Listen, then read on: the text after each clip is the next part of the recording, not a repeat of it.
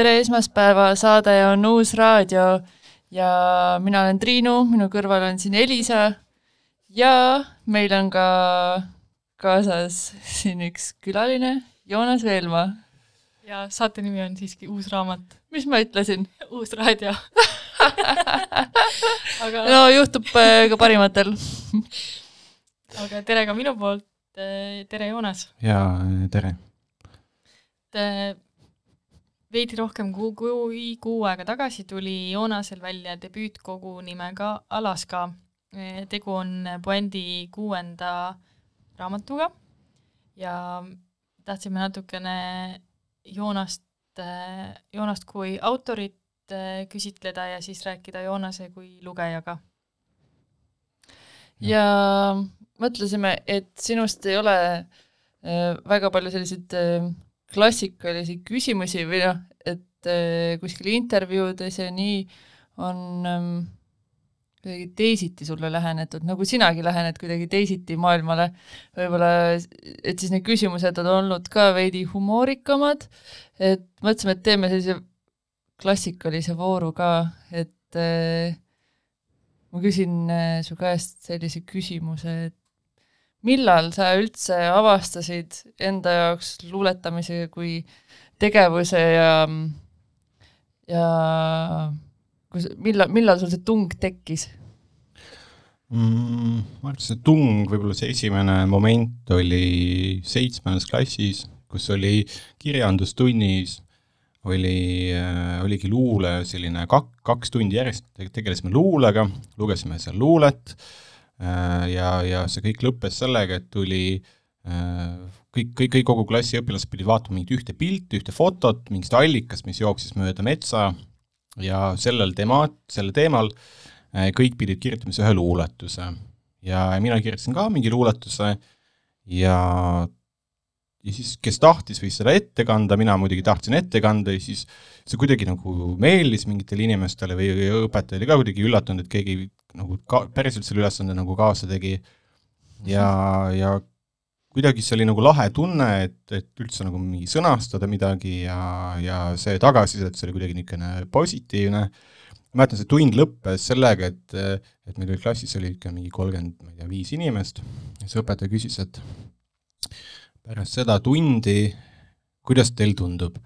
kas teile luule meeldib vähem kui ennem, sama palju kui enne või rohkem kui enne? ja kõik, absoluutselt kõik vastasid, et sama palju kui enne, ehk siis üldse mitte. ja, ja mina olin ainus siis, kelle, kes tõstis käe, et mulle meeldib rohkem kui ennem ma ei ütle, et see nagu tõsi oli, võib-olla mis mulle meeldis nii-öelda, aa, näe, vaata, ma olen nii eriline ja ma, mina tõstan nüüd käe siis, kui teised ei tõsta, et eks seal oli mingisugune edevuse nagu noot oli sees, aga tol hetkel muut-, no seal kirjandustunnis muutus minu jaoks see äh, no üks, üks konkreetne nagu ajahetk, kus käis nii-öelda klõks, kus ma hakkasin siis ka kirjutama esimesi algelisi nagu tekste. ehk siis seitsmendast klassist alates sa oled järjepidevalt kirjutanud? Mm, põhimõtteliselt, seal on mingi teatud nagu vahel mingi aasta või kaks on vahele jäänud nii-öelda, et mingi võib-olla üheteistkümnendas klassis jälle kirjutanud ja ja mingi pärast ülikooli, et äkki üks aasta nii-öelda, kus justkui jäi vahele või et või tegelenud sellega vähem, aga pigem jah, ta on nagu ikkagi pidev, pidev peaaegu nagu programmiline mingi tegevus olnud või niisugune, või lisategevus elule, aga aga ta on, toimub alati mingite tsüklitega, et et, et on mingi vemmalvärsi tsükkel ja siis tuleb mingisugune hetk, see on nagu hästi depressiivne, kus sa püüad nagu mingi vennaskonna sõnadele mingi äh, alternatiive kirjutada ja siis, siis tuleb mingisugune vabavärsi tsükkel ja, ja mingi kalambuuri tsükkel, nad on, nad on kõik selja taga ja ütleme, et ka selle uue luulekoguga see on niisugune nii-öelda see viimane tsükkel, mis nagu justkui minu jaoks nagu sai läbi ja siis, mis hakkas, ütleme, kaks tuhat viisteist pihta ja siis äh, tänaseks nii-öelda ma olen nagu selle kohati nagu lõpetanud enda jaoks ja seetõttu oli ka see oluline või kuidagi tundus nagu väärtuslik kaante vahele panna, et iseendal no kuidagi pöörata selg sellele või kuidagi nagu, et okei okay,, et nüüd on see läbi ja nüüd on see kuidagi lukus ja tagakavas tuleb vastu ja midagi sinna juurde nii-öelda kirjutada ei saa, et et on nii-öelda niisugune ühe, ühe eluperioodi tsükli nagu tekstid nii-öelda. aga kui palju sa täheldad, et et su erinevad äh, nii-öelda tsüklid äh, erinevad üksteisest või neil on siiski ka sarnaseid jooni, on neis äh, seda ühiskonna kriitilisust näiteks, mis su viimase või noh, niimoodi selles debüütkogus on, et kas mingid äh, jooned on läbivad ka? Mm, no kuna ma, ma nagu väga, väga eakas ei ole, siis neid tsükleid ei ole nagu nii palju olnud, et et kas ütleme, kaheksandas, üheksandas klassis kirjutatud nagu arma, armastusluuletusel on samasuguseid jooni kui praegu kirjutatud mingil tekstil, siis pigem on neid jooni nagu vähe, aga võib-olla ütleme, äkki Alver Loog ütles ühes artiklis, et inimese selline Eh, kirja, kirjanduslik häälemurre tekib umbes ülikooli ajal, et, et siis et hakkab tekkima tihtipeale see oma hääl enamikel, et ma arvan, et sealt alates ikkagi mingi nagu teatud sarnane nagu motiiv või, või mingi vorm on, on, on, on nagu jäänud või olen sinna nagu püsima jäänud, et et mingi vahe sai kirjutada rohkem ka tõesti nagu riimluulet ja otsides selliseid põnevaid ja naljakaid nagu riime, aga ütleme, see näiteks on nagu pigem selja taha jäänud, kuigi seal on mingi oma niisugune võlu, et et alates ütleme nagu ülikooli ajast pigem nagu on ta liikunud ikka sinna suunas, kus, kuhu ma nii-öelda ka täna võib-olla olen nagu jõudnud. kuidas, kuidas sinu kirjutamise tava on, et kas, kas sul on selline, et sa koged midagi, sa pead selle kohe üles kirjutama või, või kas sa istud õhtul laua taha ja mõtled, et nüüd ma hakkan kirjutama või kuida-, kuidas, kuidas see tekst tuleb? see on nagu hea küsimus, et äh, tihti võib-olla on kirja saanud nagu mingi alge nii-öelda, oled nagu ühe mõtte nagu saanud kirja ja siis valmi-, ootad selle hetke, kus sul on justkui piisavalt igav, et see, et sellega nagu tegeleda, et, äh, et mõnikord on mingi tähtaeg, nii-öelda alla kirjandusõhtu viimane neljapäev tuleb, siis tahad nagu ette kandma midagi minna, tekst pole valmis, siis nii-öelda vahetult ennem seda õhtut siis nii-öelda kuidagi tegeled sellega intensiivsemalt äh,, see veidi nagu noh, need tekstid on, osad on nagu üsna lühikesed, et et selle jaoks nagu mingit aega pole vaja, et mingi hetk tuleb nagu mingi asi nii-öelda kohe selle soojaga nii-öelda kirjutad selle nagu enam-vähem valmis ähm,. Aga kuna need tekstid on nagu, nad valmivad ikkagi väga nagu erinevalt, et on mõni tekst, kus sa nagu ei teagi, kus sa lihtsalt hakkad pihta puhtalt sellest ideest, et sul on, lihtsalt on igav. sa hakkad nii-öelda, sa oled igav ja sa oled äh, äh, üks isegi konkreetne tekst oli, kus seal oli, see oli aastal kaks tuhat kuusteist, ma olin töö juures ja ma mõtlesin, et et, et ma kirjutan ühele sõbrale ühe teksti ja lihtsalt suvalisi fraase kokku nii-öelda ja, ja hakkasin seal kribama ja siis kümme poolteist tundi tööajast väga mõnus selle kirjutada. Ja, siis ta sai nagu valmis, aga seal oli, seal nagu head lõppu. Ja siis, siis ma natuke paar tundi nagu mõtisklesin, võib-olla järgmine päev tuli see lõpp ka, ma kirjutasin selle lõpu ja ja, ja ja siis ta nagu sai valmis, et see kirjutamisprotsess on ikka näe, et õhtuti laua taga pigem nagu mitte, et pigem ikkagi äh, tööajas töö,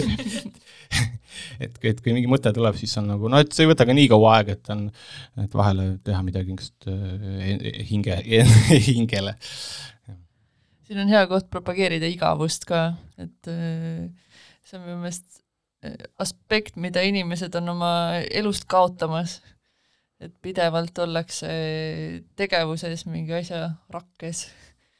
et see neid iga, igavuse momente on vaja, siis tuleb häid asju.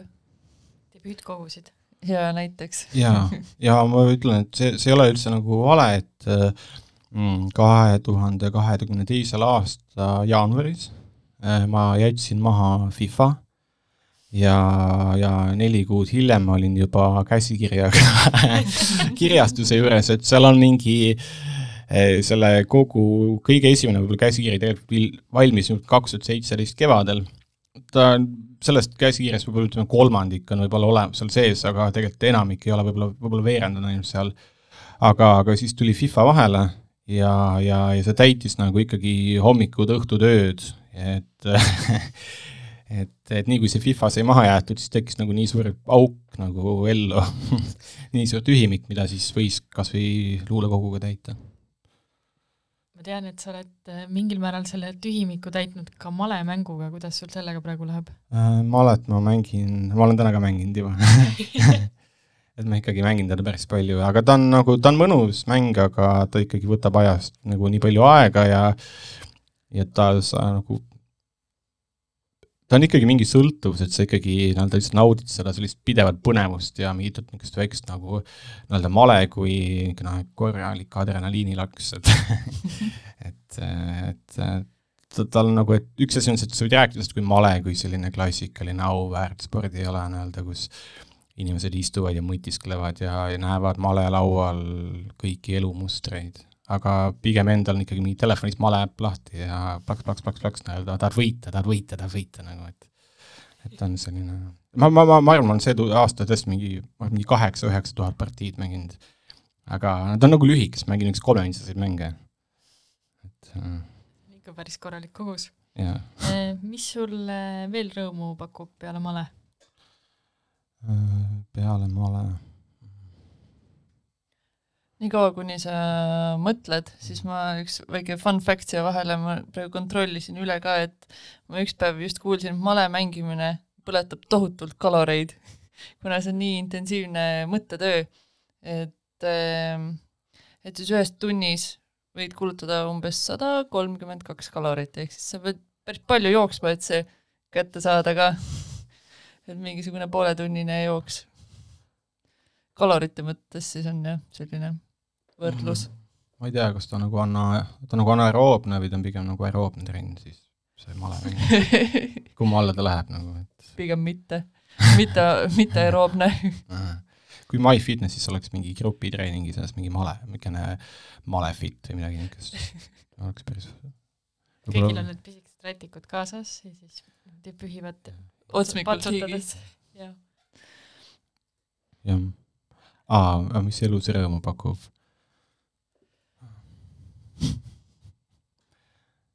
Kui sa ei taha sellele küsimusele vastata, siis me võime ka edasi minna. aga ma tean, et sa oled näiteks väga kirglik lugeja. ja, ja see pigem pakub rõõmu, jah. või noh, nagu ta on, ei, aga ma ütlen, see ei ole nagu nali, et ta nagu on, ta on nagu ühelt poolt rõõm ja teiselt poolt nagu kohustus. et see on mingi sisemine nagu vajadus lugeda, et kui sa ei loe, siis sa justkui taandarened ja ta on nagu trenni tegemisega nii-öelda, et ma ei olen, olles kunagi mingi trenni teinud mingi ajal, ma ei naudi iga päev trenni tegemist, aga ma teen seda teatud sellisest harjumusest ja mõnes mõttes ka kohustusest, et see ei tähenda, et sa trenni üldse ei naudi, aga et sa võtad ikkagi, või no ma võtan teda poolenisti nagu aju mingisuguse treeninguna, et ma lihtsalt ei käiks maha ja et ma ei lõpetaks mingi kolmekümne üheksa aastaselt nagu mingi pensionieelikuna mingi rusikaga vibutamisega nii-öelda kuskil, et et pigem, pigem ta on nagu, et on nii-öelda nauding ja kohustus nii-öelda samal ajal ma ei, see kohustus on tekkinud mingi hetk nagu sisemusse ja ma ei saa sellest nagu lahti ja ma tunnen ennast halvasti, kui ma ei loe, mitte seetõttu, et mul selle lugemise lau-, naudingust nii väga puudust tunnen, vaid seetõttu, et ma tunnen, et ma käin alla. jaa, see on väga selline noh, see on tegelikult hea sisemine mm, sundlus, et selle, sellepärast õnneks ei pea piinlikkust tundma. enne ei, üks küsimus õhku, mis ma ikkagi tahan sult ära küsida, et eh, kui sa ütlesid, et siin on äh, tsükkel siis sinu mingis mõttes nagu lõpetatud äh, lõpp, no ühesõnaga, luuletused sinu lõpetatud tsüklist, sinu elust, et äh, ma tean, et äh, koos toimetaja Helena Läksiga viskasite ka mõned tekstid äh, välja. Ja ma tahtsingi küsida, et kuidas äh, kuidas su, kuidas sulle üldse nagu, kuidas sa seda suutsid võib-olla ka vastu võtta, et kas sa tundsid, et see jäi nagu sinu tsüklisse sisse, mingid luuletused, mis ei ole siin raamatus ja võib-olla sa oleksid tahtnud, et oleksid, ja kuidas sa kirjutades üldse ennast äh, toimetad, kas sa toimetad? sa mõtled, et kas ma kustutan nagu mõne sõna ära ja siis panen uue sõna asemele või? seda, seda ka jah aga kas see, kas sind kirjutades kas sa oled pigem selline mm, kiire kirjutaja või sa mõtled nagu iga selle lause üle, et sa kirjutad välja ja siis vaatad seda natuke aega võib-olla? jah, et ühte lauset võib-olla ei kirjuta kümme korda ümber või tuleb ta sul niimoodi? ei, pigem ikkagi üsna ki-, või nii-öelda nagu sellise tunde pealt pigem nagu äh, et, et ma tean, et osad ilmselt kirjutavad nagu väga pika, võtavad ühe teksti, siis nii-öelda nagu käivad selle üle, Maarja Pärtner rääkis, kuidas ta tihtipeale nagu käib jalutamas, siis tekib mingisugune luuleseos, läheb koju ja siis mõni päev läheb uuesti samale rajale uuesti kõndima sedasama teekonda läbi ja võtab selle luuletuse allagi kaasa. Ja siis kuidagi lihvib seda või eemaldab mingeid puudujääke ja, ja täiendab, aga pigem ei, ikkagi ma ei, ma teda niimoodi nagu ei lihvi, et seal on mm, mul on, mul on üks kontrolllugeja nii-öelda äh, Siim Kera, kellele ma saadan neid tekste, nii kui valmis saab, siis ma kohe tahan välja saada, tahan, ma tahan kohe, et ta ütleks, et oo, ülihea et,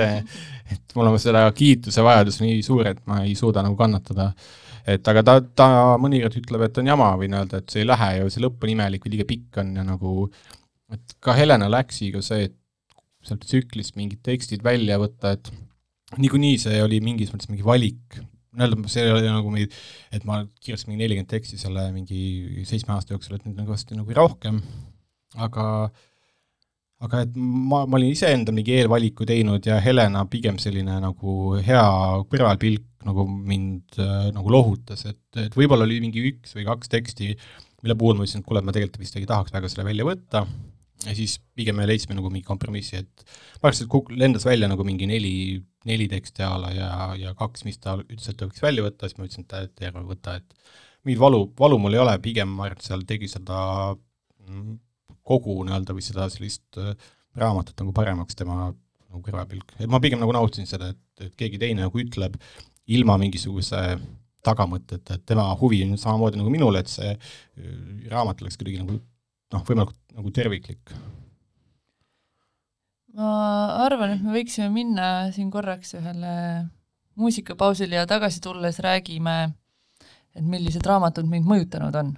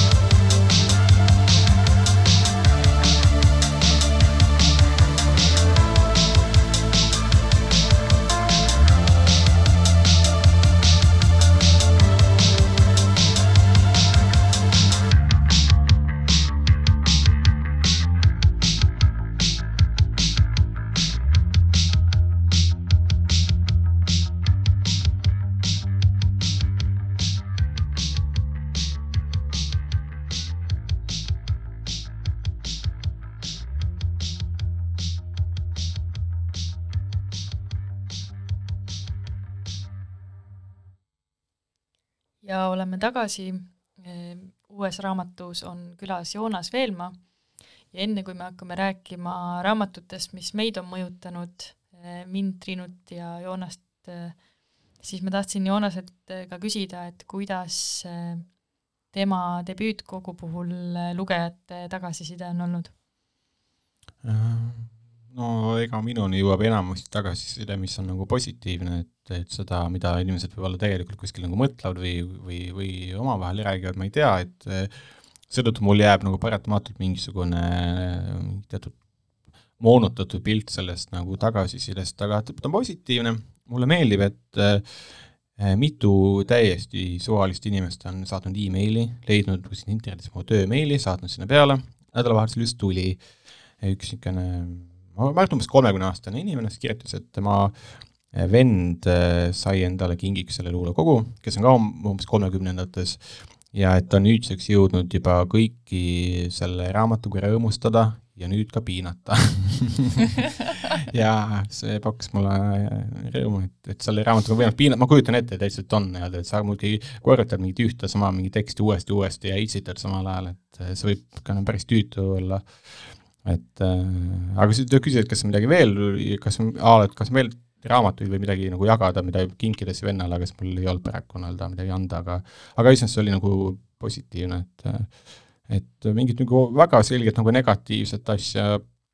siit-sealt ikka on öelda, et kellele nagu ei meeldi või, või, või, või kelle jaoks ei ole nagu väga noh, ma ei tea, humoorikas või mitte, et et seda on ja pigem on nagu alati kuidagi ebameeldiv lugeda, kui keegi midagi kehvast värvab, aga samas niisugune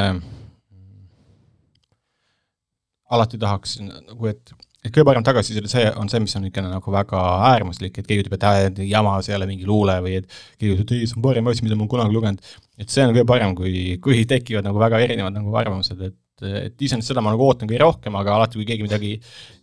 midagi kehvasti ütleb, on nagu nõme, et et seepärast ma nagu loodan mõlemat, et tuleb nagu rohkem nagu isegi negatiivseid nagu arvamusi ja, ja samas ma muidugi kardan neid väga, nii et et ega, ega midagi head ei, ei tule. vot. ma tean, et kui sul, kui on väga positiivsed arvustused olnud, et siis sul on neid ka raske vastu võtta ja kuidagi tunned, et kas tõesti on nii?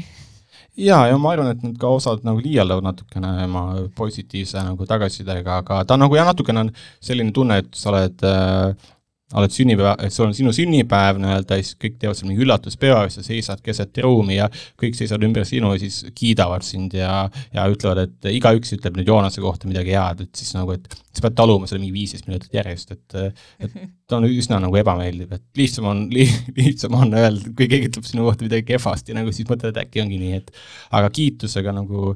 et ühelt poolt nagu oled nagu pidevas kiituse näljas ja siis, kui see nagu nii-öelda toit sulle ette antakse, siis sa nagu keeldud seda söömast. et eks ta, eks see elu umbes selline ongi paradokse täis. aga sind täna siia kutsudes pakkusid sa välja, et me võiksime rääkida raamatutest, mis meid on mõjutanud. ja üldse meie tutvus ongi kunagi niimoodi alguse saanud, et Joonas tuli meie juurde raamatupoodi ja ma mäletan, et sul alati meeldis raamatutest rääkida, mis on, mis on väga lahe, et kuidagi arutada nagu viimaseid lugemisi ja, ja soovitada nagu vastastikku mingisuguseid tekste. et mis sa täna kaasa oled võtnud? jaa, jaa, kui, kui te mind siia saatesse kutsusite, siis käis justkui läbi, et, et nagu midagi, millest võiks nagu rääkida peale, peale minu ka, et siis mõtlesin, et mul on alati nii-öelda nagu olnud soov rääkida äh, mõnest raamatust, äh, mis on nagu, vaata öeldakse, et mingi raamat, mis on sind mõjutanud, aga aga vahel on mingi raamat, mis on sind nagu noh, totaalselt kuidagi muutnud või millega kohtumine on su raja nagu lükanud kuidagi teises suunas käima või et äh, või, või su mõtlemist täiesti nagu muutnud, et äh, noh, enamasti muidugi sealt tulevad mingisugused eneseabiõpikud, keegi on mingit rikas isa, vaene isa lugenud ja siis räägib, kuidas see muutis nende elu, et et aga ma mõtlesin, et mingid niisugused mitte nii, et et kas mul on nagu mingid nii, või noh, tähendab, mul on paar nagu mitte nii tuntud nagu raamatud, mis tõesti, millega kohtumine siiamaani mõjutab mu elu ja see kohtumine oli oli võib-olla nagu üle kümne aasta tagasi ja sa nagu siiamaani mõtled natukene selles kategoorias, kuidas see ra-, või nii-öelda, mida see raamat seal justkui nagu sinuga, ta nagu tegi midagi ja see on nagu väga kummaline, on, neid on nii vähe, et lugeda mingeid sadu raamatuid ja meeldib, ei meeldi, no huvitav, mingi põnevad mõtted, igavad mõtted, aga et kui midagi sind nagu raputab ja sa tuled sealt hoopis teistsugusena välja, et neid on nagu vähe, nagu ka inimesi, kellega sa kohtud elus, et et enamasti jätavad ju sind kõik nii-öelda nagu mitte külmaks, aga aga nagu mõjutavad, noh, lihtsalt sa tunned mingeid inimesi, aga, aga et kes sind nagu päriselt nagu mõjutavad nii-öelda nii, et sa väljud, väljud nii-öelda teistsugusena, neid on ju teatud loetud arv tavaliselt. vot, nii et. jaa, kas sa tutvustaksid meile oma raamat, muud, muud, elu muutvaid raamatuid? jaa, jaa. Äh, esimene raamat on siis, ma noh, eks neid, neid on veel olnud, mis on, aga ma mõtlesin, et mis ei ole ka nagu sellised klassikalised mingi a la mingi Kuristi kirukis või, või mingi, mingi Doris Kareva luuletusi lugenud kunagi, et mis oleks nagu natuke vähem tuntumad. ja esimene tõesti, mis on aastal kaks tuhat üks välja antud, on Valdur Mikite raamat Rännak impamp luuleriiki mis ma arvan, et ei ole Valdur Mikita kõige tuntum raamat. et see oli, kaks tuhat üks oli kümme aastat ennem seda, kui ta sai äh, tõelise sellise lugeja menu oma, oma äh, metsiku lingvistikaga. lingvistiline mets vist oli ahah, sorry, metsik lingvistika oli ennem. see oli mingi kaks tuhat viis äkki. võib-olla tõesti. ja, ja, ja siis ta tegi selle, aga see ei olnud ka populaarne, see lingvistiline lingvistiline mets vist ja. oli see, kus see yeah, läks nagu laiali. siis läks ja siis nii-öelda, aga, aga minu suhe Valdur Mikitaga nii-öelda oli, hakkas palju varem, kuigi ma kohtusin selle raamatuga aastal kaks tuhat seitse või kaks tuhat kaheksa. ja ma olin jõudnud ülikooli, õppisin reklaami seal ja meil oli mingi loovuse tund. ja mina olin suutnud kogu keskkooli niimoodi ära veeta, et ma ei, ma ei tea, kas ma olin kuulnud sõna loovus nagu ma igatahes kindlasti ei olnud mõelnud selle peale, et on niisugune asi olemas nagu loovus. võisin küll seda nagu kasutada või praktiseerida, aga koolis mitte kunagi keegi, keegi ei rääkinud, et on loovus või et see on justkui mingi hea asi või mingisugune positiivne, noh praegu on see, et koolides on igast mingi loovuse mingi ülesanded ja mingid loovusprojektid, see on küll ülilahe, aga mina seda kuidagi nagu ei teadnud. ja siis koolis oli meil mingi loovuse tund ja siis õppejõud võttis kaasa raamatu, mille nimi oli Rännak impamp luuleriiki ja siis ma võtsin selle raamatu, ta lasi seal klassis ringi käima ja siis ma lugesin seda ja ma vaimustusin sellest nii tohutult, et ma muidugi läksin kohe raamatukokku, seda enam poes ei müüdud, see oli kuus aastat vana tolleks ajaks juba, ja, ja läksin koju ja lugesin seda korduvalt ja korduvalt ja see muutis, ma hakkasin kohe oma versioone tegema nendest imp-pomp luuletustest ja, ja siiamaani teen, ma laenutasin ta sel nädalavahetusel raamatukogust ja lugesin ja, ja, ja keksisin mööda kööki ringi, ma olin nii elevil, et äh, avastasin näiteks suvel, et sel, ka sel suvel ma olin teinud mingi teksti, mis oli no väga-väga selgelt nagu inspireeritud sellest äh, Rännak Impamp Luuleriki raamatust, et äh, et neid äh, et ta, ta, ta, ta, see raamat on põhimõtteliselt nagu luuleraamat, aga ta mängib lihtsalt selle vormiga ta, noh, seal on nagu mingid lakkumise ja mingi nuusutamisluuletused, seal on mingi treimluule, mingi pöörde asju, niisugune nagu lihtsalt üks lõputu mängimine, mängimine, mängimine, niisugune uudishimu ja lustlikkus ja, ja igatahes niisugune nagu raamat, mis, mis mõjutas nagu kaks tuhat seitse esimaani, mõjutab edasi nagu. ma näen, et sul on midagi seal ka üles märgitud, et kas tahaksid lihtsalt ühe-kaks maitse andmiseks ette lugeda? Ehm, jaa, siin on näiteks, üks tekst on eh, kolmteist nägemust herenesupist. herenesupp keeb, herenesupp tulistab endast välja pisikesi makarane. herenesupp võimleb pliidi armatuuri laual, herenesupp keedab rasvase leema, leeme sees oma isikukoodi. herenesupp kratsib pakstusse augu. herenesupp närib lusika ära hernesupp viiuldab vihmas. hernesupp, millele pole antud teist korda maa peal elada. hernesupp, mis on ühe jalaga potis. hernesupp, mis on alles teel. hernesupp, mis läheb kõhtu linta-lonta, kõhust välja vinta-vänta. ja siis on all, all, äh, raamatu all, allservas on ka kommentaar, et kui raamatu vahele pista kuivatatud hernes, ja seejärel kaaned kokku surda, jääb raamatusse inetu uhk. Sel juhul ongi vaja hõigata hernes upp ning hernes tõuseb ja hõljub raamatu kohale.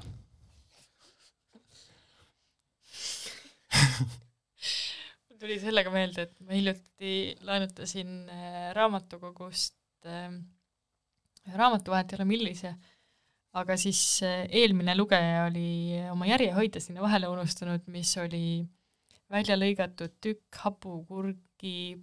niisuguse äh, nagu pange seest ja muidugi see, see raamatu kaas siis ka kleepus. kas ta lõhnas ka hapukurgi järele? ma ei nustutanud seda, mul tekkis sellega mingi tõrge, nii et ma palun ärge pange herned ega hapukurke raamatukogu raamatute vahele isegi kui, isegi kui Valder Mikita ütleb, et tehke, siis ärge tehke. ta tegi nalja. minu poolest võib teha, aga tehke oma nende koduomadega mm. Aga see on suurepärane tekst. jaa, ja see on, ta on nagu, ma mõtlen, ma hakkasin kohe tegema oma versioone sellest, üldse nagu, see oli, ma olin ikka kahekümnendate alguses, hakkasin kohe kribama oma asju ja ja tõesti, sel suvel ma kirjutasin mingit, mingit hästi mingi mõttetu teksti, mille point oli siis mingi mittetäielik nimekiri asjadest, mis ei mahu ninna. ja, ja siis lihtsalt hakkas nagu noh, ta, ta, ta isegi oli nagu vähem absurdne kui see, mis ma praegu lugesin, aga lihtsalt, et sa tunned, et et selliste nagu mingi jaburate nimekirjade sellise lihtsalt mängulusti pärast kirjutamine Mm, ma ei ole nagu ennem ega pärast nii-öelda, või no ütleme, seda tüüpi raamatuid on nagu vähe, sest et ta on poolenisti tõsine, tal on mingi väga selge eesmärk, kuidagi vaba, anda sinust mingi päris mingi vabastus.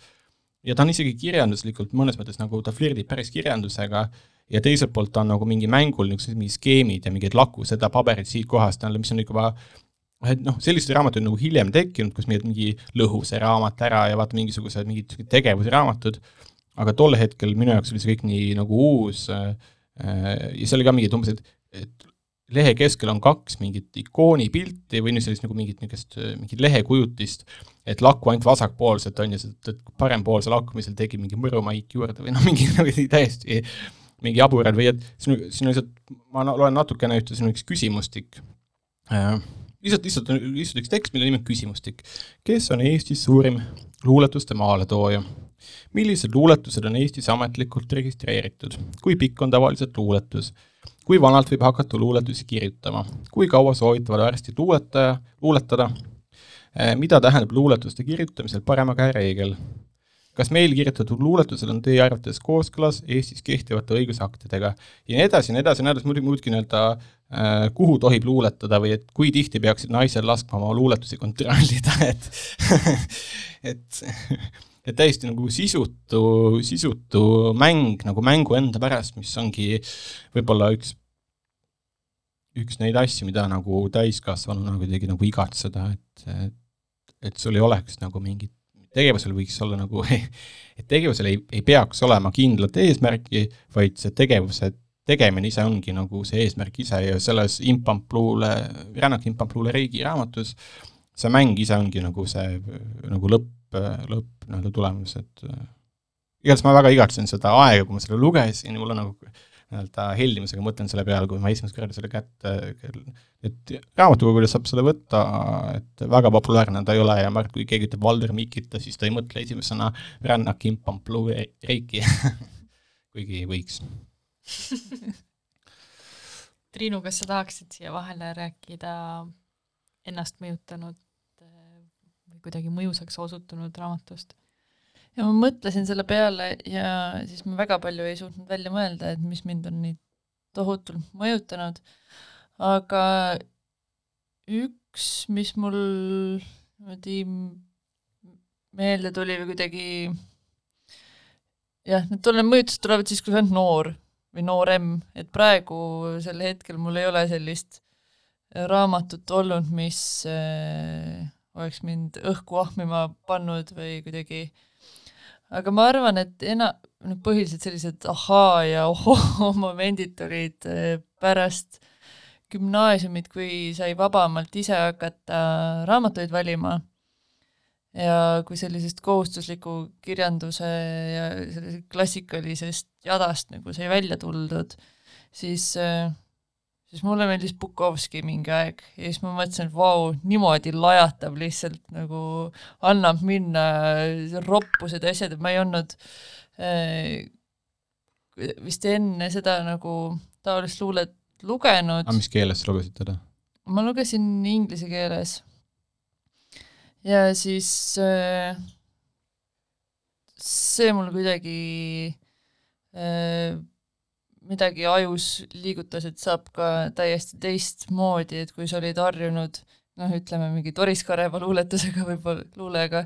et siis see on täielik vastand. jah, võib-olla see oli üks, üks autor, kelle peale ma mõtlesin. ma, täna ma enam teda ei loe, vist ei, ei pea rohkem vajalikuks. Aga võib-olla sa oled jõudnud sinna ikka, et sa pöördud tagasi Doris Kareva poole pigem, pigem on niipidi vist, jah see on nii huvitav, et äh, Joonas tõi esimese ra-, ennast mõjutanud äh, raamatuna välja luule, sina tõid välja luule ja minul on ka kaasas luule. et äh, me võime teha sellest järelduse, et luule on ilukirjanduse mõjuisik. mõjuisik, ütleme nii. et pärast Joonasega vestlemist ma jäin mõtlema, et mis see, mis see on, mis ma ise välja tooksin ja mul kerkis esile kaks nime,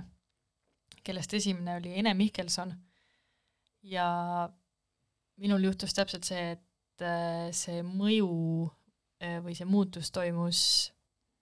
äh, pärast keskkooli, isegi juba esimene ülikooli trett oli tehtud, ma ise vist olin kakskümmend neli äkki sel hetkel kui ma lihtsalt eh, esimest korda Ene Mihkelsoni luulega kokku puutusin, ma ei olnud seda varem, eh, ma ei olnud sellest nimest isegi kuulnud, mis on päris nagu ma ei tea, võib-olla natuke nagu häbiväärne isegi siin tunnistada kõva häälega, aga ühesõnaga eh, kaks tuhat kuusteist tuli Hasso Krulli koostatud kogumik välja Kõik redelid on tagurpidi, kus on siis Ene Mihkelsoni erinevate aastate luuled sees, varustatud järelsõnaga ja ma mäletan, et ma lugesin seda ja mõtlesin, et vau, niimoodi saab ka kirjutada. et kuidagi kõik need kujundid ja, ja need äh, mängud, mis ta teeb, et see oli midagi täiesti uut mu jaoks ja kui, ja kuna mul üldiselt äh, on südamelähedane pigem sünge kirjandus või mingi tumedate nootidega, siis Ene Mihkelsonis oli see kõik olemas. ma arvan, et on aeg teha veel üks väike pausike ja siis jätkame uute teemadega.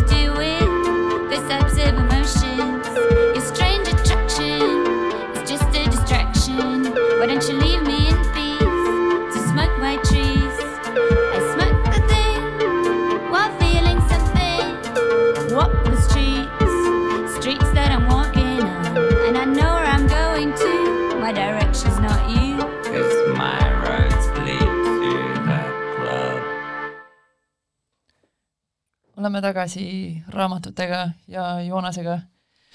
sul on äh, veel kaks raamatut siin kaasas, räägi neist ka. jaa äh,, lisaks sellisele lõbusale elu armastavale impampluule rännakule nii-öelda, mida kirjutas Mikita, siis äh, aastal kaks tuhat viisteist ma olin ka lugu lugemises mingisuguse nagu pausi teinud, siis ma otsisin uusi raamatuid, mida nagu lugeda lihtsalt nagu tun-, nagu kui sa ei tunne nagu kirjandusmaailma väga, siis sa nagu ei, nagu raske on nagu, kus sa võtad selle järgmise raamatu välja, kui sa nii-öelda juba tunned natukene, siis on pigem see, et sa ei jõua kõike ära lugeda, kogu aeg ilmub peale ja kõike tahaks. siis ma olin Viru keskuse poes, nägin mingit autori, mingi Howell-Beck Cuckoo. okei okay,, davai, kes see on nagu, mingi võtsin lahti, hakkasin lugema, et aa, mingi Äh, lugu räägib siis mingi edukast koomikust nii-öelda, kes siis on eluga kuidagi kimpus. hakkasin lugema ja see esimesed paar lehekülge olid nii naljakad, et äh, ma ostsin selle raamatu kohe ära, see raamat oli Saare võimalikkus, ja ma läksin alla kuskil kohvikusse, siis lugesin kohe seitsekümmend lehekülge järjest. ja mulle nii tohutult see meeldis, ta oli nii, ta oli nii mõnusalt nagu kirjutatud ja nii depressiivne äh, ja mustades toonides kui nagu võimalik. Ja see kuidagi äh, resoneerus mu tolleaegse elu niisuguse nagu tund-, tundega, et ka mina arvasin, et kõik on nagu mõttetu ja aina nagu, et me liigume valgusest pimeduse poole iga päevaga, siis ma lugesin teda ja, ja, ja nautisin ja, ja, ja muutusin veel kibedamaks ja ja pärast seda ma olen kõik tema raamatud äh, eesti keeles läbi lugenud, kuna prantsuse keelt ma ei oska, ja võib-olla tunnetuse mõttes ajapikku nii-öelda, kui, kui ta, kui teda lugeda nagu üks-ühele ja võtta seda kõike nagu justkui tõde, siis ta on nagu nii trööstitu ja nii hapu, et, ta võtab, ta ikkagi võtab eluisu ära. aga, aga kui tal võtta mingisuguse teatud niisuguse reservatsiooniga, nagu mingi peegelpildis natukene ja nagu naerda võib-olla kaasa selle nagu tekstiga, siis, siis ta on nagu väga omamoodi nagu nauditav. ja siis kogu selle Welbecki, no ma õppisin mingi hetk ära, kuidas tema nime hääldada, et tema sellise nagu filosoofia, mille ma ka kohati omaks võtsin ja ma siiamaani teatud nagu mõtted, mis tal on, mida ma olen lugenud, oleme ikkagi nagu omaks võtnud. see võtab kokku üks lõik siit raamatust Saare võimalikkus. ja ta kirjeldab õnne. esimeses elupooles mõistetakse õnne alles siis, kui ollakse sellest ilma jäänud. järgmisena tuleb selline iga, teine eluperiood, kus teatakse juba esimesest hetkest peale, et lõpuks õnn paratamatult saab otsa. Belliga kohtudes äh, ma taipasin, et minu elus on alanud see teine periood. taipasin ka seda, et ma polnud veel kolmandas etapis see tähendab tõelise vanaduse perioodis, kus teadmine õnne kaotamisest välistab juba ette selle kogemise. et et umbes selline, selline on need, sellisest tüübist, nad stiilis on noh, kõik tema nagu, kõik tema ju tekstid, et et selline lootusetus, võimalik, võimalikult nagu depressiivne, et, et see tohutult nagu meeldis ja, ja pakkus sellist nagu nauditavat valu, et, et ja Welbecki, ma ei mäleta, kes selle ütles, aga, aga ma olen sellega nõus, et Welbecki puhul, et kui sulle üldse nagu need raamatud meeldivad, siis see raamat, mida sa esimesena loed, meeldib sulle kõige rohkem, sest et tema raamat on kõik ühesugused. ja, ja tavaliselt on kõik mingi neljakümne, nelikümmend pluss mingi edu, edukas mees nii-öelda, kes siis äh, rändab erinevatel mingi seksuaalsetel radadel ja, ja, ja lõpuks saab aru, et kas see on kõik mõttetu et, äh, et, et Sõllut Saare võimalikkus mulle kõige rohkem tema raamatutest nagu tegi jättis nagu jälje kuidas sinul Hõlbekiga lood on, Elisa? Ma loen teda, mis meeldib mulle ja siis äh, tahaks vahepeal visatada nende samade raamatutega, mida ma loen ja kuidagi siis jõuan ringiga tagasi, kuidagi see, ta suudab oma raamatutes tekitada sinust sellise vastikustunde, et sa mõtled, et sa ei saanud praegu seda palun kirjutada, nagu mis sul viga on. või ta mängib täpselt selle emotsiooni peal, et ta teeb sulle mingisuguse, võib-olla mingi karakteri armsaks või siis see mõjub ka lihtsalt mingisugusel mm, inimlikul tasandil. ja siis ühest tema, tema raamatutest, ma ei taha öelda, millisest, see võib-olla rikub nagu kellegi jaoks midagi ära, aga on selline hetk, kus äh, tema klassikaliselt kibestunud mees peategelane äh, vaatab äh, mm, ma tahan öelda püstol, aga täpselt ei tea siis milline, vaatab sihikust väikest last, kes on siis tema armastatu laps, aga mitte temaga, ja sa mõtled, et ei ole, ei ole. Ja siis lähed, sa lähed juba nii närvi selle tegelase peale, et sa ei suuda edasi lugeda. Ja ta, ta suudab minu arust kõigis raamatutes mingil määral sellise emotsiooni tekitada. ja ma olen sama meelt, ma arvangi, et tal on oskus tuua välja mingisugused need kõige pimedamatest soppidest mingisugused su enda mõtted, mida sa ei julge endale tunnistada, aga ta paneb need kirja justkui. Ja, ja siis sa oled korraga võib-olla enda ja maailma peale vihane ja siis jah, noh, tal, raamatud on sarnased, aga,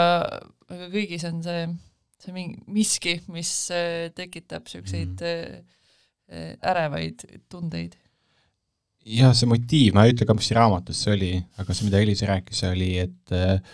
ta tahtis oma endist armastatud tagasi võita, kes oli vahepeal lapse saanud ja siis ta nägi, et ainuke võimalus seda nagu, kuna see armastatu nii-öelda oma last armastab rohkem kui nii-öelda oma endist kallimat, mis on nagu loogiline, et ainuke võimalus nii-öelda oma eksi südant võita on ta laps ära tappa. Et kuidas see nagu lõpuks juhtub, see nagu saab igaüks ise lugeda, aga, aga need on nagu, kes meist ei oleks mõelnud seda? Seal on äh, kui selle konkreetse asja juures veel sa oled jõudnud enne selle tegelase peas nii palju aega veeta, et äh, tal puudub äh, selline loogiline põhjus-tagajärg nagu mingi seos, et ta lihtsalt, ta, ta tekitab mingi mõtte, et läbi selle kindlasti õnnestub. et kuidagi see, ketrab ja ketrab, et kuni ta jõuab nagu aina äh, radikaalsematele arusaamadeni, et kuidas nagu miski võiks õnnestuda jah, ja igatahes Wellbeck on nagu, ma ootan tal, ma viimast raamatut ei ole eesti keelde tõlgitud, aga äkki ilmub peagi. ma ei tea siis ka kumma, kas Indrek Kohvi või Triinu Tamme tõlk, kes nad vaheldamisi neid tõlgivad. jah, praegu vist on skoor on Indreku kasuks või? ei, ei, mina nägin kuskil saates Kohv ütles, et on, neil on hetkel fifty-fifty, aga aga, aga võib-olla ja, ja ma ütlen, arvestades, et ta oskab lugeda siis Märt on, on õigus nii, sa jõuad veel äh, rääkida Paavo Matsinist? jaa, ma räägin kiiresti Paavo Matsinist äh,. Äh, ma ei mäleta enam, kus kaudu see ilmus, ta ei ole nagu, inimesed, kes, kes seda saadet kuulavad, nende jaoks ilmselt see ei ole nagu tundmatu raamat, aga ta ei ole ka päris selline musta pari näkku, mida kõik on lugenud. see oli Paavo Matsini nagu esimene ütleme, poollugejasõbralik raamat äh,, Sinine kaardivägi mis minuni sattus kaks tuhat kuusteist äh, kevadel ja ja mis täiesti vapustas, kuidas on võimalik üldse nagu kirjutada, et sa, et sa, sa loed, see on väga lühike raamat, sada lehekülge ja sa ei saagi aru täpselt, mis seal nagu toimub. ja sa naudid seda, lihtsalt seda teekonda ja seda, kuidas see on tehtud, et hiljem ta saavutas menu Gogoli diskoga, mis oli juba nii-öelda kui sinine kaardivägi on kirjutatud justkui teatud äh, no hal-, hal-, hallutsinogeenide all, siis ütleme, Google'i disk on lihtsalt nagu täispea kirjutatud, et seal on see vahe, et et ma isegi seda sinist kaardiväge nagu nautisin nii rohkem, ma ei, ma ei väida, et Paavo Matsin on kunagi alkoholi tilkagi tarvitanud, seda ma ei väida, aga aga, aga ma lihtsalt ütlen, see, kuidas sa tund-, kuidas sa loed selle, see tundub, et on nagu peaaegu selline äh, meeli avardavat kogemust nii-öelda saavutanud samal ajal. Ja seal on üks lõik, ma lihtsalt loen ette, et, et anda selle nagu kogemust äh, seal on üks tegelane, üks kirjanik, eh, Kikiliks, kes siis sureb ja siis toimub tema, tema matus ja, ja seal matusel on teatud tseremoonia.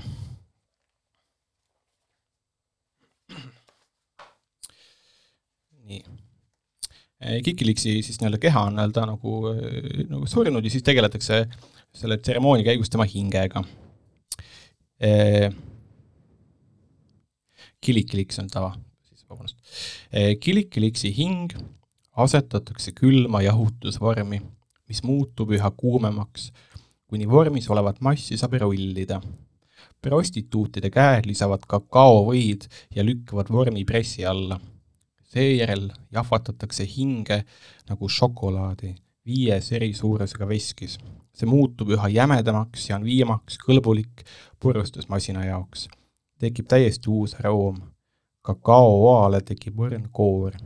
kogu ruum täidetakse nüüd auruga, mis steriliseerib viimasedki vead ja väike uba kukub sõelumismasinasse, et eraldada kõik kivid ja väiksemadki taimeosad siis kannab tuulehoog oa Grabiilipuga laevale ja toimetab laeva Lätist kümne tuhande kilomeetri kaugusele Akra sadamasse. Aafrika õhk ja päike kuivatavad uba. see on igavene higistamine püha päikese käes, kuni ta on lõpuks valmis tõusma tagasi kakaopuu otsa. küünlad kustuvad,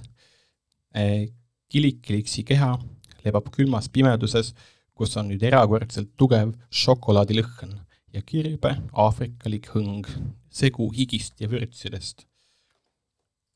nii et eh, seda siis tehti siis antud juhul inimese siis hingega, nii-öelda segati teda eh, kakao, kakaomassiga kokku ja saadeti tagasi Aafrikasse puu otsa, et see, juba see mõttekäik või see on nii nagu